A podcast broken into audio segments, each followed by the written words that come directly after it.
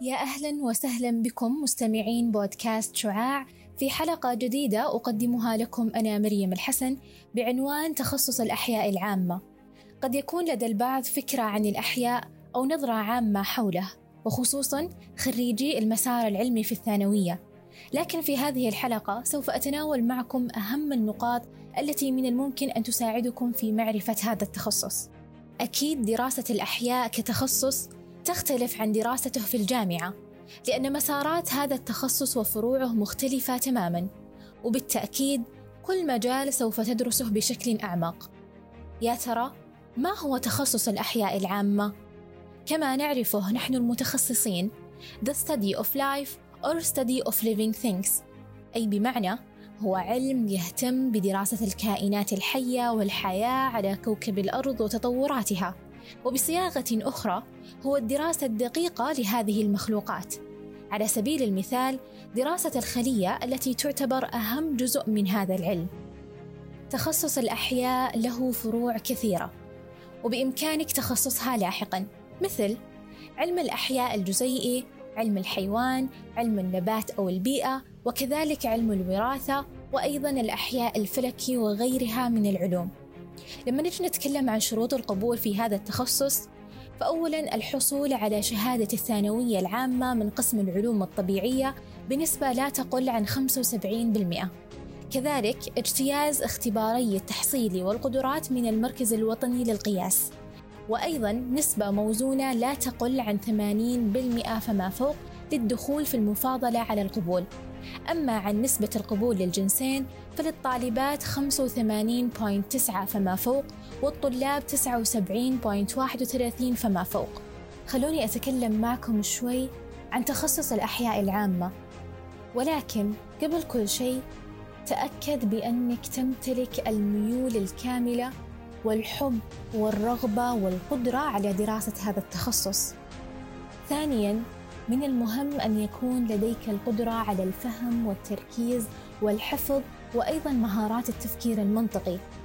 كذلك عدم الاشمئزاز من عمليات التشريح لأن التشريح جزء من هذا التخصص.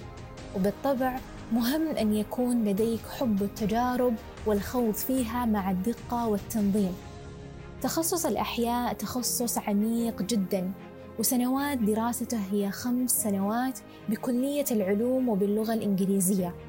وأحب أن أنوه هنا على أن تخصص الأحياء العامة بجامعة الملك فيصل حاصل على درجة الاعتماد الأكاديمي.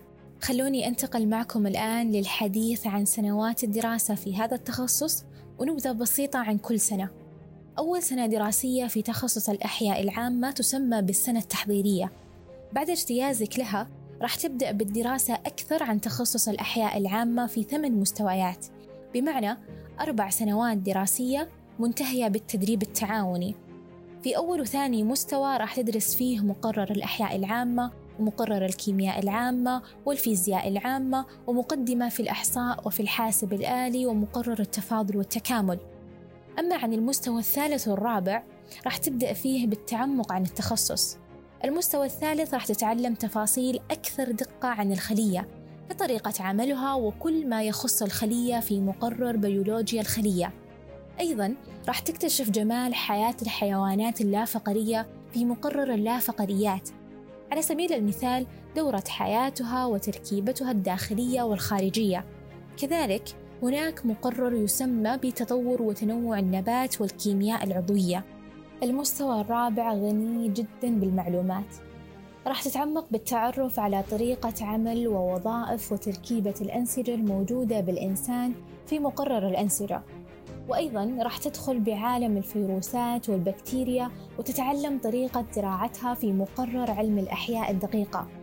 أما عن مقرر الوراثة فراح تكتشف معلومات قد تثير إعجابك مثل التعرف على الجينات والطفرات التي تحدث فيها والتعرف أيضا على أهم الأمراض والمتلازمات الوراثية. الكثير من المعلومات كذلك عن الأنسجة النباتية وتفاصيل الخلية النباتية في مقرر شكل وتشريح النبات. وأخيرا راح تدرس في هذا المستوى مقرر الكيمياء الحيوية. هذا فيما يخص المستوى الرابع.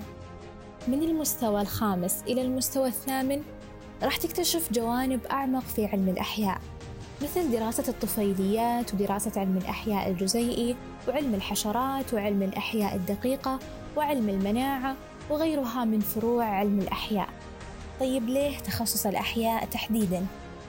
علم الأحياء ما يقتصر على دراستك فقط لأن بإمكانك أن تراه بشكل واقعي في حياتك اليومية كأن تراه في أجزاء النبات والحيوان وتفهم طبيعة جسمك كذلك.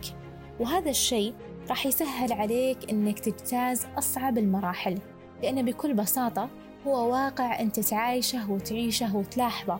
وهذا الشيء راح يساعدك أنك تفهم وتحفظ المعلومة وتثبتها وما تنساها. لتخصص الأحياء مستقبل وظيفي بإذن الله. بكل بساطة لأننا نحتاجه بكل مجالات حياتنا. فمن مجالات العمل في تخصص الأحياء العمل في مجال التعليم وبعض الوظائف الحكومية كذلك العمل في مجال الزراعة والنبات وأيضا العمل في المختبرات والمستشفيات ومراكز الأبحاث وغيرها من الوظائف. في الختام أشكركم على حسن الاستماع وأتمنى لكم مستقبل مشرق بإذن الله. انتظرونا في حلقاتنا المقبلة. كنتم معي أنا مريم الحسن.